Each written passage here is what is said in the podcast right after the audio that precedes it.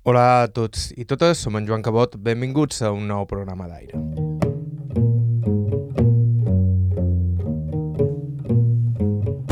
Avui amb un testimoni inusual.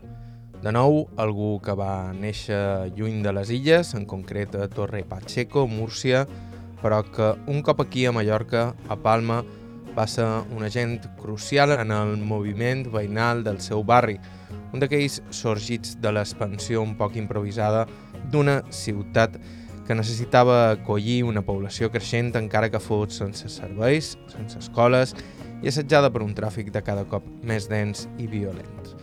I a més de tot això, la droga. El polígon de Llevant va ser durant un temps al Far West, una zona on alguns no s'atrevien a entrar i que, si avui és un lloc un poc més habitable, és gràcies a gent com Vicente Izquierdo, algú a qui la militància li venia de sèrie i que va arribar a l'illa com tants altres fills de peninsulars. Mis padres vinieron en el 70, pues como la mayoría de, de, familias que venían de la península en aquella época venían a, a trabajar en, en, la construcción, que era donde había un campo para, para trabajar. Primero vino mi padre y al año ya no nos vinimos todos. Yo tenía un 13 años, a, a punto de cumplir 14. A finals dels 70 va casar-se i va entrar a viure en un dels primers habitatges de protecció oficial que es varen construir al polígon de Llevant i a principis dels 80 entraria a l'associació de veïns. Serien anys durs, anys de lluita constant contra l'Ajuntament, l'Ibavi i els clans que hi venien droga. Però, com han dit, Vicente Izquierdo va néixer per a la batalla. Estau escoltant Aire a IB3 Ràdio, vos parla Joan Cobot, començam.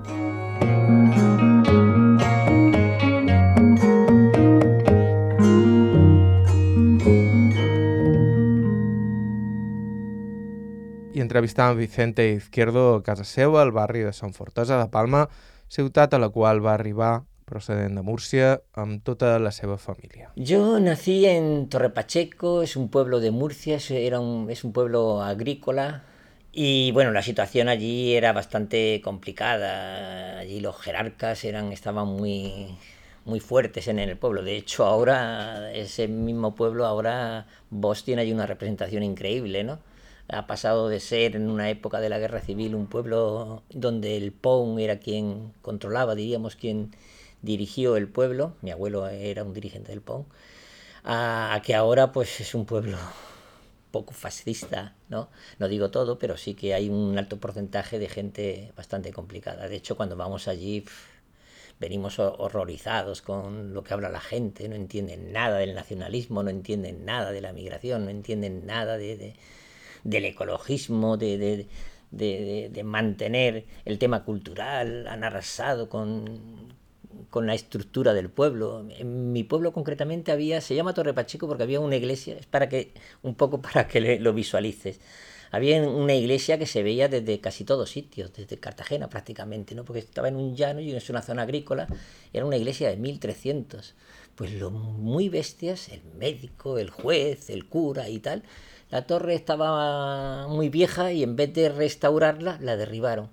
Y los únicos que nos opusimos y que montábamos follones para que no la derribaran éramos los ateos, ¿no? Era algo in inconcebible de aquella época, pero así fue. Y bueno, y ya por los años 68, 70, pues mi padre se vino aquí con un familiar y tal, y al final nos vinimos todos para acá.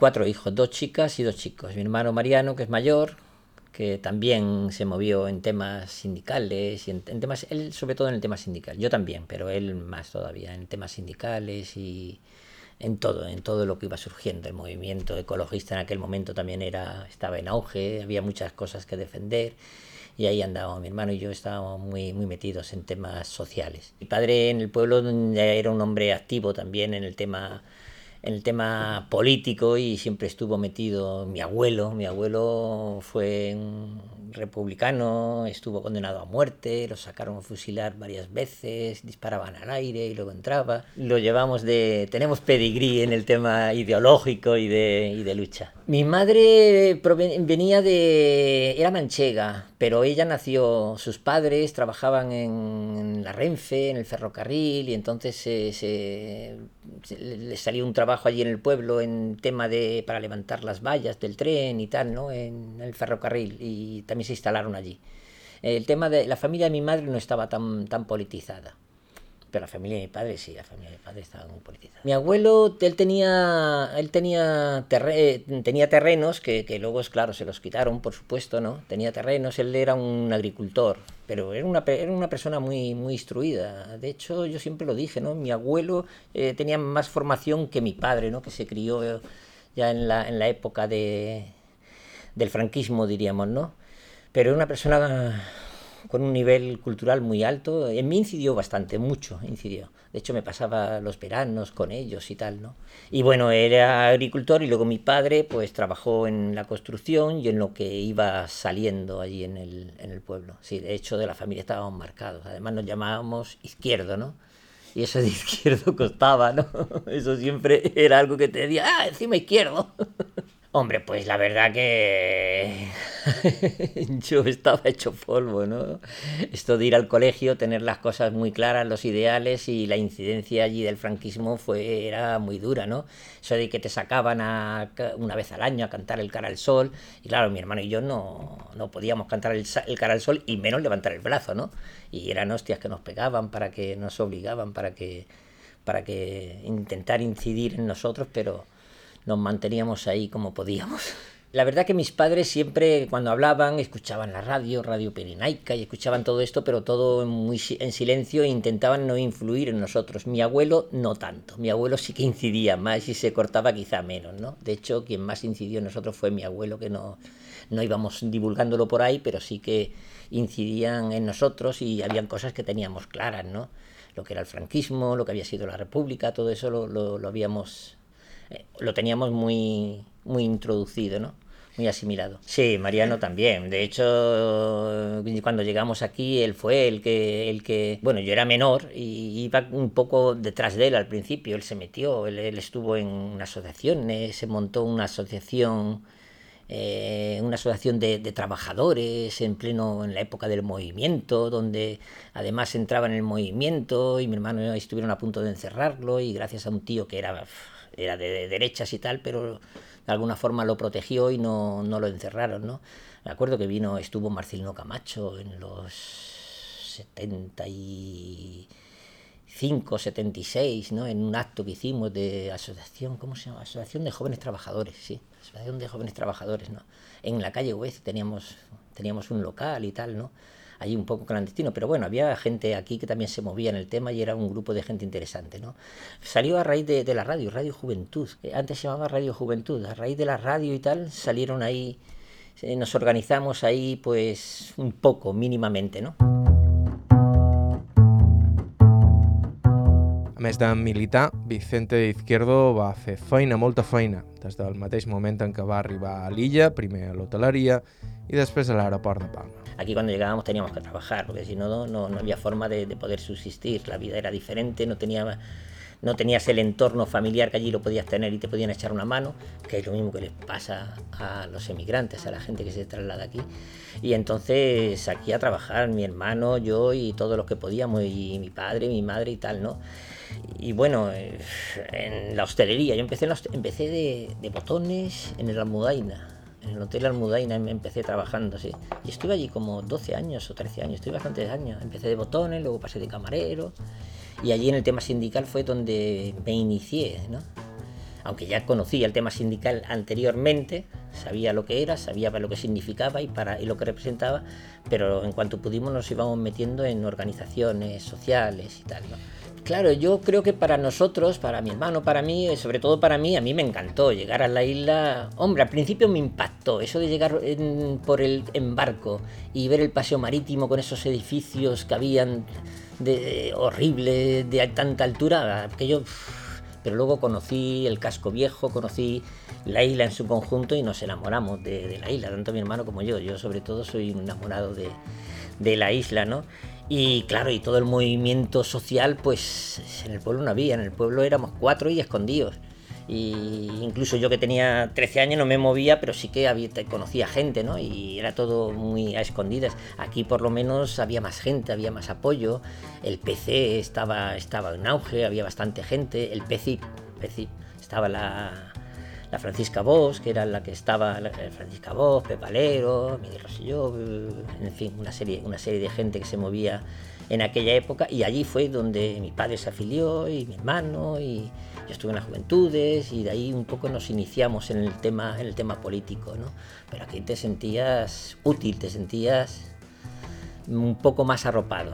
Eh, y el tema, sobre todo a mí lo que me impactó mucho era el concepto que tenía la gente aquí con el tema ecológico, ¿no?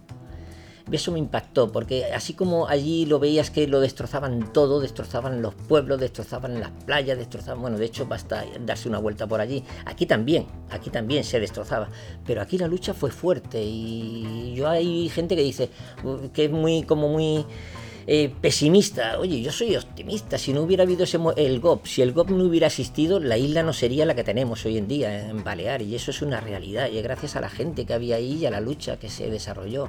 Entonces eso sí que...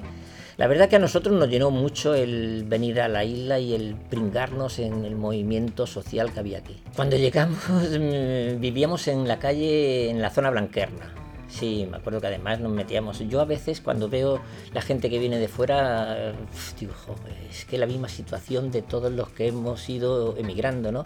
Pues vives como puedes. Me acuerdo que nos metimos dos familias en una vivienda y yo ahora pienso, digo, los que habían alrededor nuestro iban a decir, jo, cuánta gente vive en esa vivienda, ¿no? Pero es que era la única forma de porque nosotros vinimos de tener una vivienda en el pueblo con patio, con una casa grande y tal, a vivir pues aquí como, como podíamos, en un piso, ¿no? Y nos instalamos allí y ya mi familia ya se quedó siempre por allí, mis padres se quedaron siempre por la zona blanquerna y tal. Y yo, bueno, pues estuvimos en el, nos movimos a nivel social en el sindicato, en comisiones obreras, en la época esa de las asambleas, de las huelgas de la construcción, las huelgas de hostelería y tal, ¿no? Y nos movíamos en el tema sindical, ¿no? Y bueno, yo ya cuando me, me casé, me casé, me fui a vivir al polígono de Levante, que luego allí ya, aparte del tema sindical, inicié allí el tema del el movimiento veinal, ¿no? Blanquerna, claro, no tiene nada que ver. Eh. Quizá a lo mejor no había tanto sentimiento de barrio como a lo mejor que incluso lo puede haber ahora, aunque no hayan demasiadas entidades, ¿no?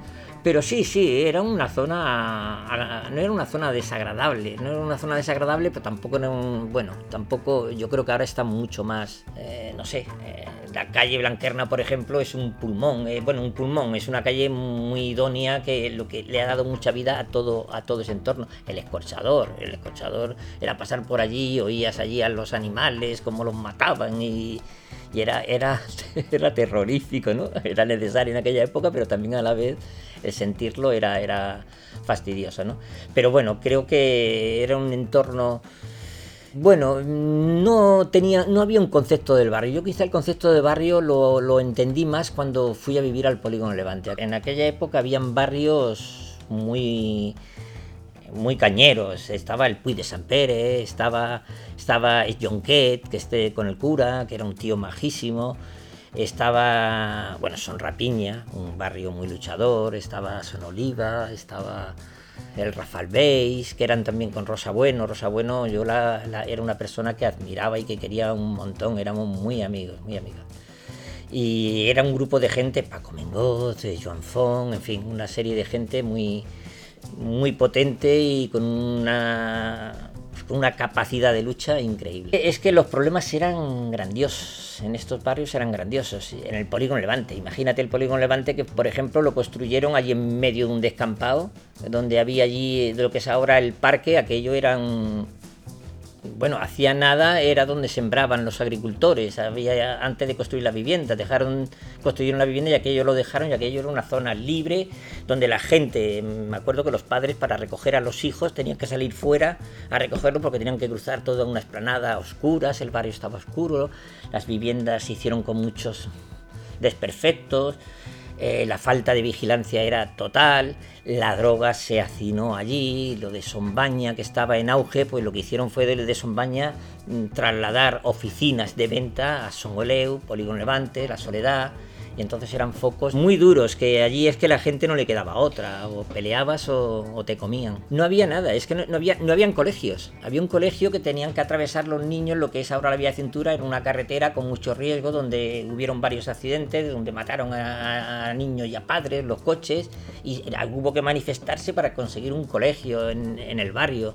El primer colegio fue el, Camilo José Cela, luego el Joan Miró, que el Joan Miró estaba justo al lado donde yo vivía, y el ambulatorio, pero todo eran a base de movilizaciones. Allí no se creó nada porque fuera iniciativa de, municipal o tal. Bueno, a, raíz luego de la, de la, transición en el 79 o, 82, donde ya hubo un pacto, un gobierno progresista, que estaba el PSOE, gente del PC y tal, y ahí ya se inició ya un poco proyectos sobre estos barrios más, más así. Las elecciones ya del 82 ya fueron, creo que fueron en el 82, ya creo que fue, eso fue lo que rompió un poco, ¿no? En el gobierno costó más, en el gobierno eh, costó más, pero en el ayuntamiento de Palma, sobre todo, sí, con la primera alcaldía del Ramón Aguiló, eh, y la gente que había, bueno, la verdad es que en los barrios había bastante fuerza y el movimiento vecinal sí que sí que ahí tuvo, tuvo bastante potencia, ¿no?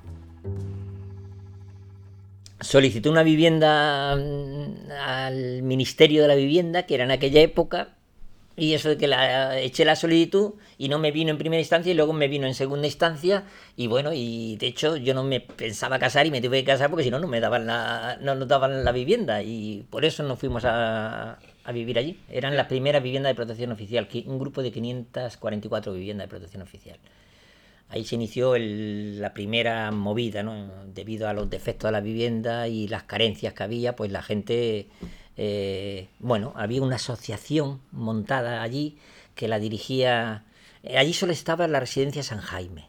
La residencia San Jaime es la que está enfrente del, Parque Grecovi y al lado del museo, diríamos, ¿no?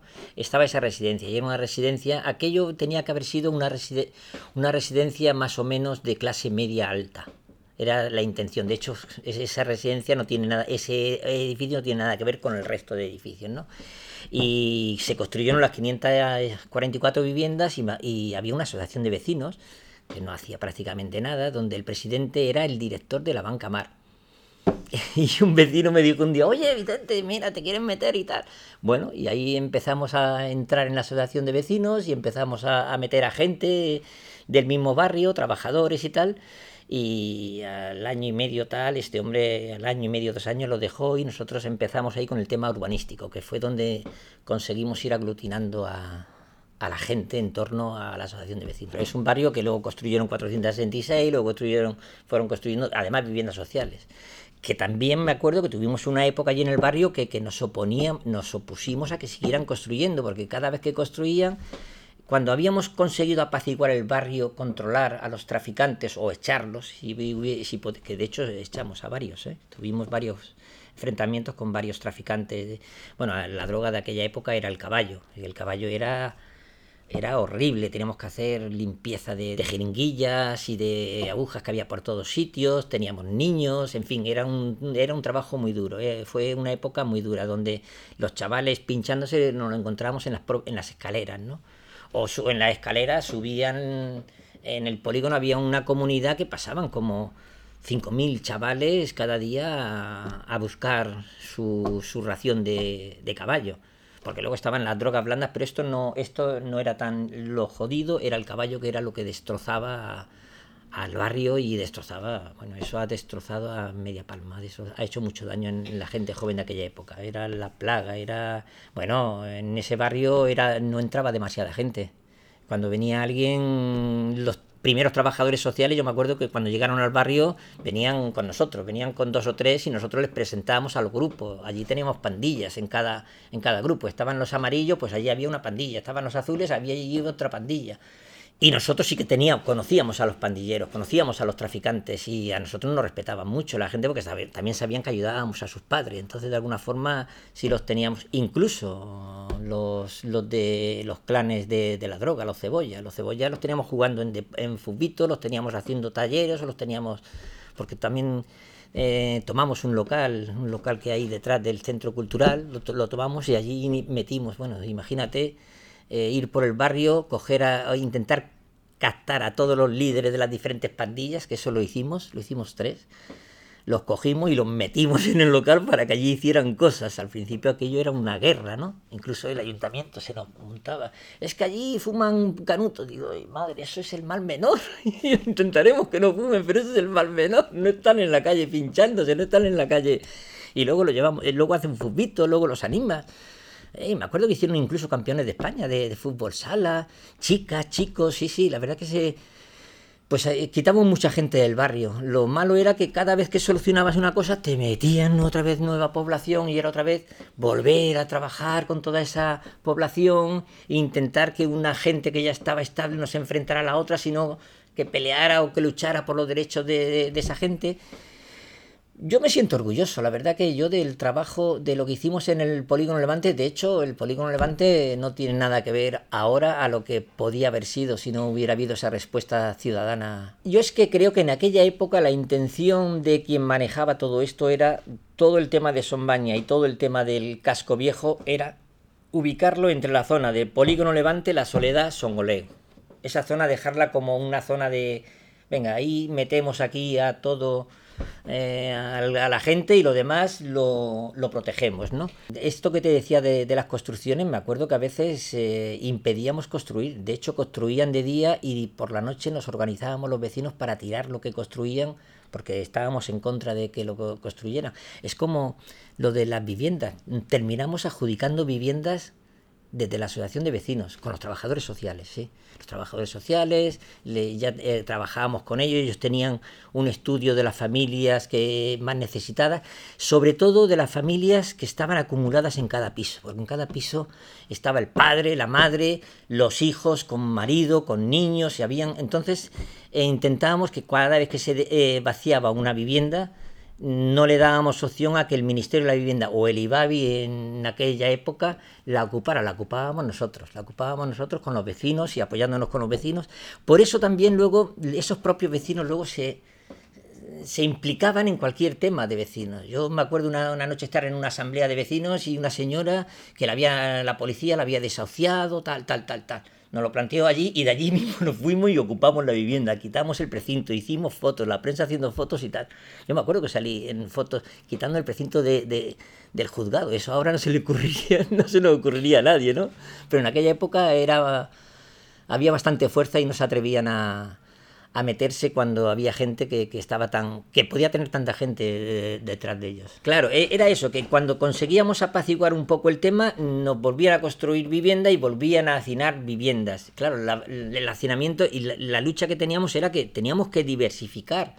De hecho, em, iniciamos ahí el proceso que eso fue en el 88, 86, 88, donde contactamos con la universidad, con una serie de gente y hicimos un informe social del barrio, porque claro, a pesar de que teníamos manifestaciones cada mes hacíamos dos o tres manifestaciones, pero manifestaciones que nos plantábamos en Cor y, mil personas en un barrio de que a lo mejor vivíamos siete mil o ocho mil, pero había mil o dos mil personas a veces en las manifestaciones, manifestaciones potentes, ¿no? Que con mucha gente y no es como ahora que allí no nos allí ni solicitabas para para la manifestación ni nada y hacíamos el recorrido que nos daba la gana. La policía a veces nos venía a dirigirnos y la policía iba por un sitio, nosotros cambiamos, nosotros íbamos a lo que íbamos a parar el tráfico, a que se, nos, que se visualizaran los problemas. ¿no? Y allí lo que mm, nos, nos terminamos oponiendo a que construyeran viviendas y si construían viviendas que fueran viviendas lo que pasaba, iban construyendo viviendas, sacaban viviendas, sacaban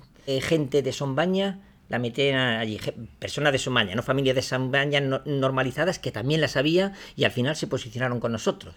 Mucha gente de Sombaña que vino a vivir allí, en asambleas terminaron enfrentándose con el Kiko y terminaron enfrentándose con los cebollas y terminaron enfrentándose con los verdaderos traficantes de droga que había en aquella época, o con la gente que venía de, de la zona del casco antiguo, cuando fueron limpiando toda la zona del casco antiguo también pasó lo mismo. Venía gente muy maja que se fue se fue estableciendo en el barrio y tal, al principio con problemas, pero luego se fue restableciendo en el barrio y había otra gente que venía a lo que venía y venían a, traficar, eran pisos francos que lo que hacían era eso.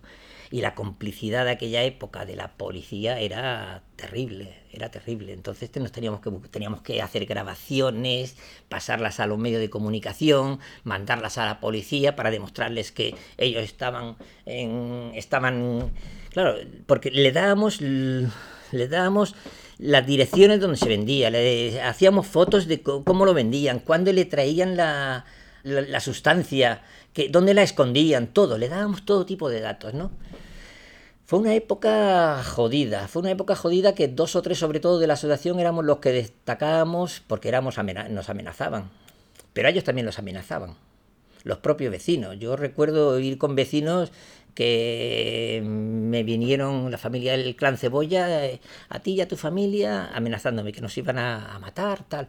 Y los vecinos, uno, yo no lo sabía, sacó una pistola y dijo, pues cuidado que vuestra familia también puede. Es decir, que la gente en aquella época estaba fuerte. Y no eran solo eh, familias emigrantes o familias gitanas, que había muchas. También había un 20, un 30% de familias mallorquinas que venían de pueblos que también se integraron dentro, que quizás al principio se estaban como más sorprendidas, pero luego al final se pringaron también en, en, el sistema.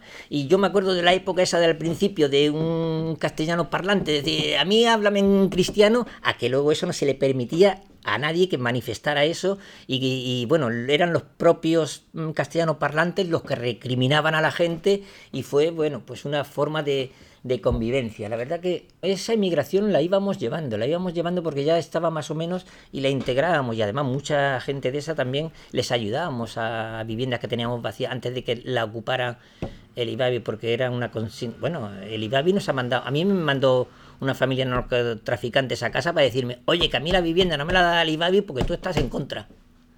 Hasta ahí llegó, ¿no? Entonces lo que hacíamos era intentar eh, con los trabajadores sociales, que la verdad que aquella época también fue una época de gente muy joven que se iniciaba en el trabajo social, que llegaba y se implicaba totalmente en, el barrio y nos ayudaban y, como les ayudábamos a, a, meterse en la vivienda, también nos asegurábamos que la convivencia fuera buena, porque ese era un, Mm, oye, la escalera hay que limpiarla, tú no puedes subirte una cabra al piso, tú no puedes estar con la música tal, y, si incluso las comunidades cuando tenían problemas venían a la asociación de vecinos para que nosotros intentáramos resolver el problema. Bueno, de todo, incluso los... Incluso mm, las mujeres, las mujeres que la mayoría de viviendas están a nombre de las mujeres, porque allí la, la respuesta y la guerra y la lucha no fue mayoritariamente de los hombres, al revés. Allí la lucha fue de las mujeres. Las mujeres eran las que más se implicaban porque eran las que más vivían el problema con los hijos. Los hombres venían a las manifestaciones, tal, pero las mujeres eran las que estaban allí todo el día dando, o las que, yo qué sé, una noche aparecen 30 mujeres en, en mi casa. Oye, Vicente, mira, que nos hemos cansado, que no vamos a dejar que suba nadie más a comprar droga y estuvimos un mes y medio enfrentándonos a los traficantes con 100 mujeres que estaban allí cada día, cada día. Los hombres también venían, los hombres en aquella época eran, pero sobre todo eran las mujeres las que tenían la iniciativa y las que tenían más, más fuerza, las que... Bueno, yo me acuerdo de estar en reuniones que la mayoría de la ejecutiva o de la que se movía en la asamblea eran mujeres y venía el tío, oye, que no me has hecho la cena. Y, y los pocos hombres le montábamos la bronca y las mujeres también le montábamos la bronca al tío, ¿no? Vicente Izquierdo ja no viu al mateix barri, ni el barri és el mateix, en part gràcies a ell, però de tant en tant encara el visita y s'hi retroba amb gent coneguda. Sí, voy y conozco mucha gente y yo me alegra mucho cuando voy allí y veo a la gente y me saludan y tal. Sí, la verdad es que me siento, me siento muy bien, me siento muy, muy, no sé. Ahora quizás es un exceso porque aquella hora, con todas aquellas viviendas de lujo que están haciendo, ya veremos a ver en qué se convierte, pero bueno. Uns edificis que ja no són polígons, sinó part de l'anomenat Nou Llevant un nom eufemístic que en part vol maquillar els orígens d'un barri popular que, com tota Palma, se está transformando. Sí, se llamaba Polígono de Levante porque era un polígono ahí Era el polígono, cada vez que decía polígono, levante te miraba, este, este donde vive. ¿Qué nos ha pasado? que nos han domesticado, quizás, nos han domesticado. Hombre, la situación es diferente, las necesidades son diferentes. En aquella época tampoco tenías tanto que perder. No tenías nada, lo que tenías era mucha mierda. Y entonces o luchabas o luchabas. Y ahora, pues a lo mejor mm, las necesidades son muchas, sobre todo para, sobre todo para gente emigrante, sobre todo, para gente eh, emigrantes, son muy jodidas, pero claro, el egoísmo, el individualismo, el no pensar, el no creer en la solidaridad, que en aquella época sí la había, pues con las necesidades te generaba solidaridad con la gente. Hoy te ayudan a ti, pues yo sé que mañana tengo que ayudar al otro, ¿no? Porque por eso mismo he pasado yo, ¿no? Y era un poco, era un poco eso, era un poco crear solidaridad entre la gente y la ayuda de hoy para ti, mañana tú la tienes que ofrecer a otro. Era un poco la idea, era un poco la idea.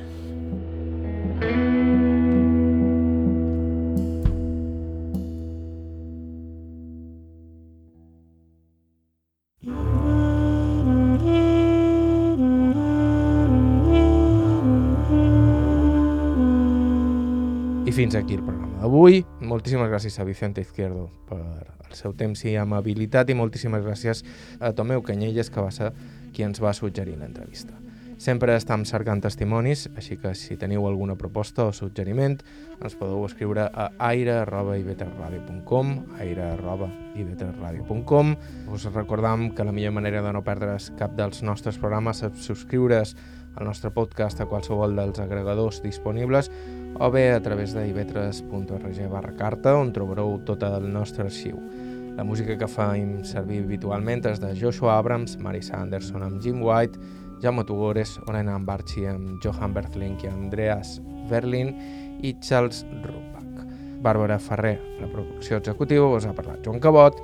Gràcies per ser a l'altre costat i fins la setmana que ve. thank you